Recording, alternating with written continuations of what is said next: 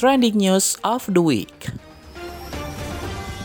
Millennials Radio Be Creative Be You. Trending News of the Week bersama Eva Alfayani dari Madiun. Berita kedua dari saya datang dari Menteri ESDM gandeng KLHK agar harta karun migas di Papua bisa digarap.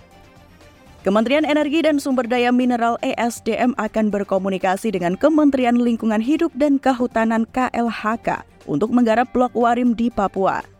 Sebagaimana diketahui, blok Warim disebut-sebut menyimpan potensi minyak dan gas raksasa. Namun begitu, SKK Migas disebut belum memberikan usulan formal. Menteri ESDM Arifin Tasrim mengatakan akan menanyakan hal tersebut. Sebelumnya, Menteri Lingkungan Hidup dan Kehutanan Siti Nurbaya mengatakan, hingga saat ini pihaknya belum menerima usulan formal untuk menggarap blok Warim.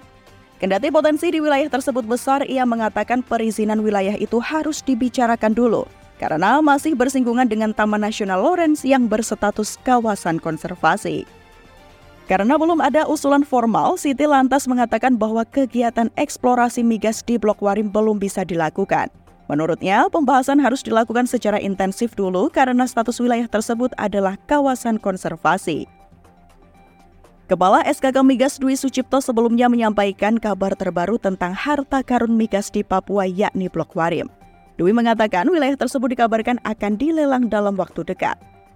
Blok Warim disebut-sebut memiliki cadangan migas yang besar. Bahkan jumlahnya diperkirakan beberapa kali lipat dibandingkan dengan Blok Masela.